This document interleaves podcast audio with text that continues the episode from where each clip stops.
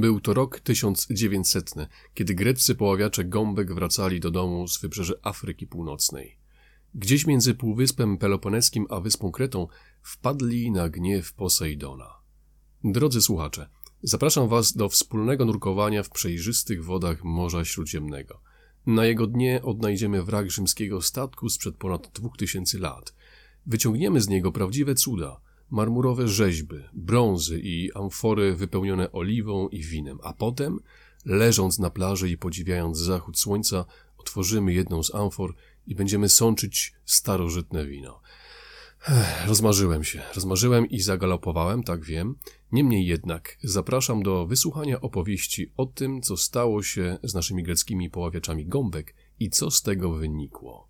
A było tak.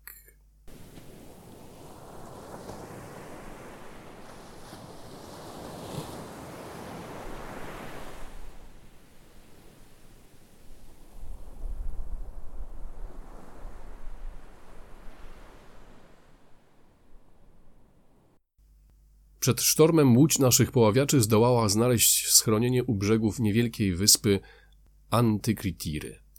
Kiedy gniew błękitno-grzywego, wstrząsającego lądami bóstwa zelżał, kapitan łodzi Dimitrios Kondos postanowił, że poławiacze spróbują szczęścia u brzegów wyspy w głębokich wodach morskich. Pod wodę miał zejść niejaki Elias Stadiatos – kiedy patrzy się na zdjęcia nurków sprzed stu lat, ma się wrażenie, że patrzy się na astronautów na Księżycu. Współtowarzysze Eliasa pomogli mu założyć ten obszerny, nieprzemakalny kombinezon z ciężkimi, ołowianymi podeszwami oraz założyli mu na głowę wyglądający jak wielki mosiężny kocioł hełm. Po czym spuścili Eliasa Stadiatosa do wody, pompując do jego kombinezonu powietrze. Elias schodził głębiej, coraz głębiej i głębiej i głębiej, i głębiej, to będzie długa opowieść. I nagle szarpnięcie. Znak dla załogi, że Elias chce wydostać się na powierzchnię. Kiedy już nasz nurek znalazł się na pokładzie łodzi, cały ociekający morską wodą, i kiedy współtowarzysze zdjęli mu z głowy ciężki hełm, ujrzeli pod nim przerażoną twarz Eliasa, który zaczął opowiadać niestworzone rzeczy o tym, że na dnie zobaczył martwych ludzi. Konkretnie ponoć powiedział, że zobaczył nagie kobiety i konie. Zwariował, pomyśleli poławiacze. Może zbyt głęboko go spuściliśmy, pomyślał kapitan Dimitrios Kondos. Na wszelki wypadek jednak postanowiono wysłać na dno kolejnego nurka. Kiedy ten znalazł się po nurkowaniu na pokładzie, opowiedział, jak się rzeczy mają na dnie mniej już dramatycznym tonem. Mogę sobie swoją drogą wyobrazić, że nasi żeglarze zapytali go najpierw o te nagie kobiety. Ano są nagie kobiety, powiedział, powiedział Nurek. Nawet są i konie, ale też nadzy mężczyźni, bo wszystko to to rzeźby zapewne ze statku, który zatonął tu dawno, dawno, dawno temu. Poławiacze gąbek wyciągnęli z dna parę mniejszych rzeczy i ostatecznie zgłosili sprawę odpowiednim urzędom. Na miejscu zjawili się więc archeolodzy i Wrak z Antikritiry stał się bodaj pierwszym przebadanym przez archeologów w sposób zorganizowany wrakiem starożytnym. Daleko, co prawda, ówczesnym metodą było do doskonałości, ale jednak jest to bardzo ważny moment w historii badań podwodnych. Tu ciekawostka. Dotychczas odkryto jakieś 2000 wraków z czasów antyku, ale do odkrycia jest jeszcze, według szacunków archeologów, bardzo przybliżonych, ale jednak robiących niesamowite wrażenie, jakieś 750 tysięcy. Czyli te 2000 to nawet nie 1%, nie pół, ale nieco ponad ćwierć procenta z tych, które można jeszcze odkryć. Wrak z Antikritiry okazał się najbogatszym statkiem, jaki dotychczas odnaleziono, z tych, które zatonęły w starożytności. I archeolodzy wracali do niego jeszcze w ciągu ostatniego stulecia kilkakrotnie. W 1976 roku badał go słynny Jacques Cousteau, czy obecnie kolejnych odkryć dokonuje dr Brendan Foley i jego ekipa.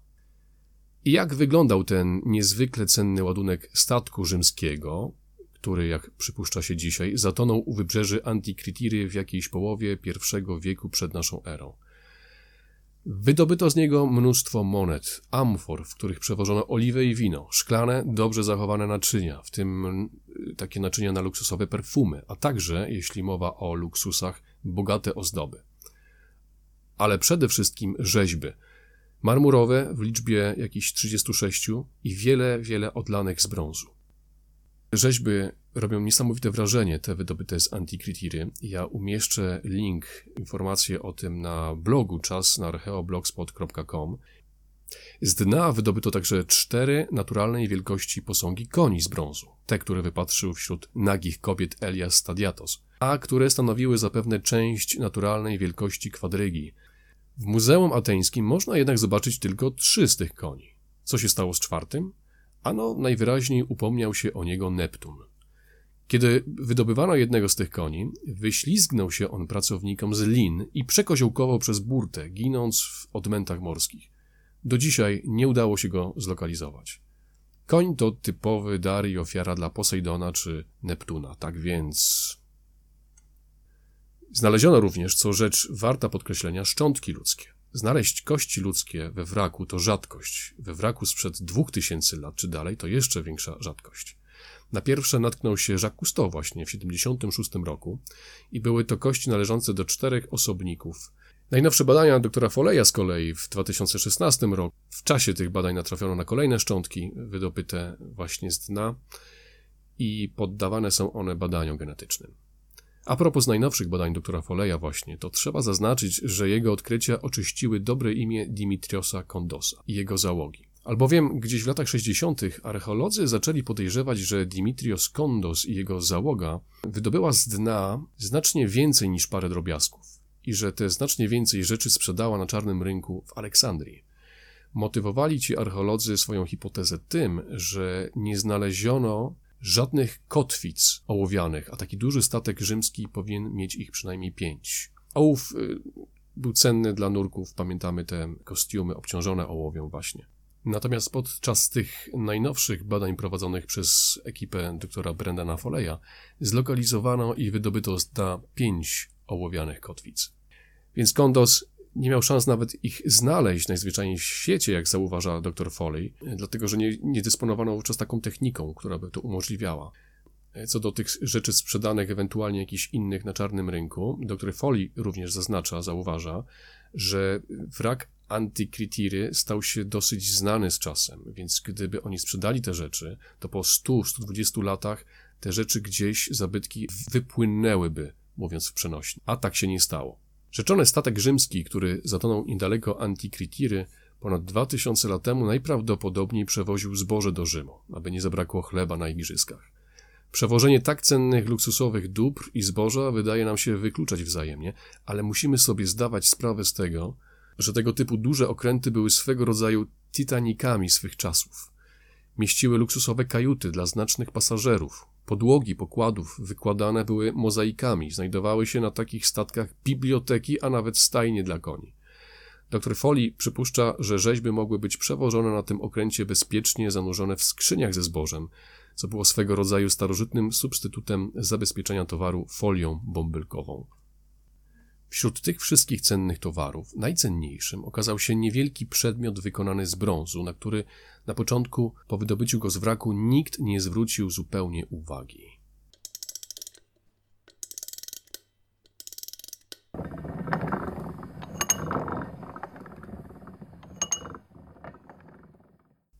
To była nieduża, bezkształtna masa skorodowanych kawałków brązu. Jedyne, co się rzucało w oczy, to spore koło po jednej stronie. W końcu jednak ktoś przyjrzał się tej kupie pordzewiałego metalu bliżej i zauważył, że koło posiada ząbki. Niewielkie, zaledwie jednego milimetra wielkości, ale jest to koło zębate.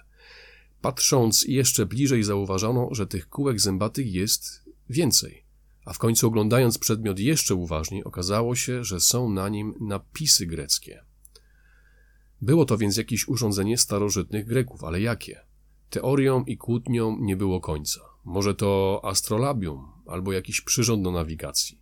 Może zegar, kalendarz, czymkolwiek by to nie było, archeolodzy zgadzali się co do jednego. Na pewno było to dość prymitywne urządzenie.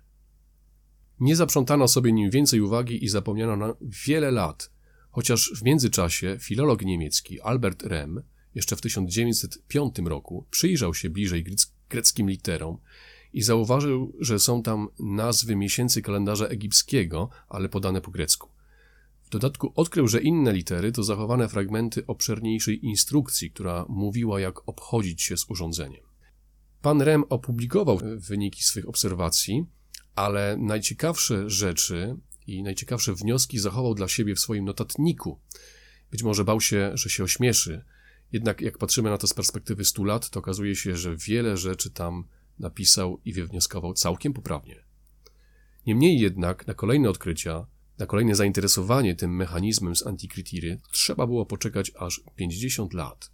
Kiedy to fizyk, a nie archeolog, niejaki Derek de Sola Price przyjrzał się mechanizmowi znacznie bliżej i postarał się o prześwietlenie go promieniami rentgena. Zobaczył wówczas na zdjęciach rentgenowskich, że tych kółek wszystkich jest 27. Na zdjęciach flamastrem zaznaczył każde z ząbków milimetrowych, aby policzyć ich ilość. Doszedł do wniosku, że to było jakiś e, przyrząd, urządzenie służące do obserwacji ciał niebieskich na niebie. Stworzył jego schemat, opisał, a nawet stworzył pierwszy model tego urządzenia i publikując wyniki swoich badań nazwał to urządzenie greckim komputerem albo starożytnym greckim komputerem. Mało tego, Price tworząc model tego urządzenia zauważył też, że są tam drewniane elementy przy tym pordzewiałym, skordowanym fragmencie. To prawdopodobnie była pozostałość po pudełku, w które opakowane było urządzenie. I to pudełko zapewne można oszacować mniej więcej, miało wysokość jakichś 34 cm, szerokość 18 cm i głębokość 9 cm, a całym mechanizmem poruszało się za pomocą jakiejś korbki umieszczonej z boku tego pudełka. Nie tylko więc mamy do czynienia z komputerem starożytnym, ale też z przenośnym, osobistym pierwszym komputerem starożytnym, można by rzec. Ale czym tak naprawdę jest ten mechanizm? W czym miał rację Price i w czym się mylił? Na kolejne odkrycia trzeba było poczekać kolejne 50 lat, aż do naszego stulecia.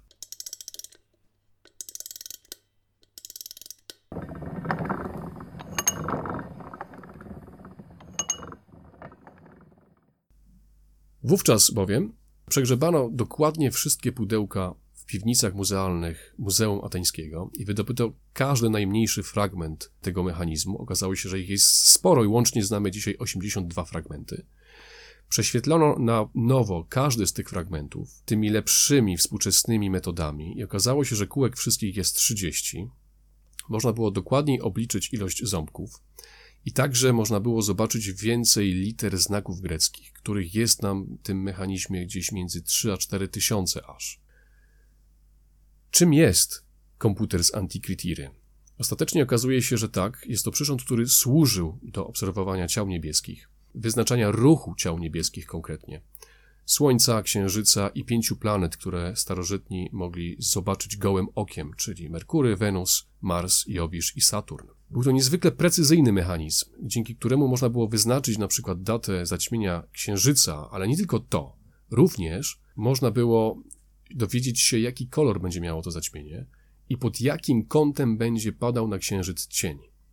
Co jeszcze bardziej fascynujące, komputer z Antikritiry uwzględnia jedną rzecz, z której wyjaśnieniem nie potrafili poradzić sobie starożytni Grecy. Mianowicie już od starożytności każdy, kto patrzył w niebo, widział, że księżyc raz jest bliżej Ziemi, raz jest od niej bardziej oddalony, raz obiega ją szybciej, raz zwalnia.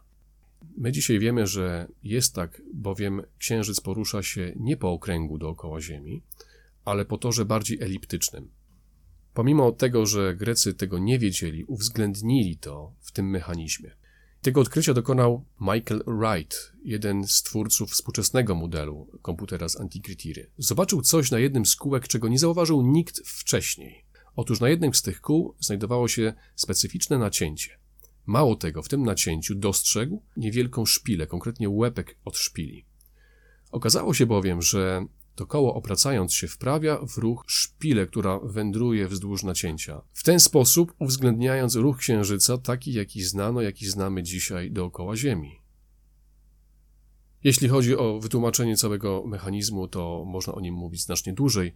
Mój umysł humanisty nie chce Was wprowadzać w błąd. Na blogu również zamieszczę kilka linków do fajnych filmów, co prawda w języku angielskim, ale mam nadzieję, że większość z Was nim operuje.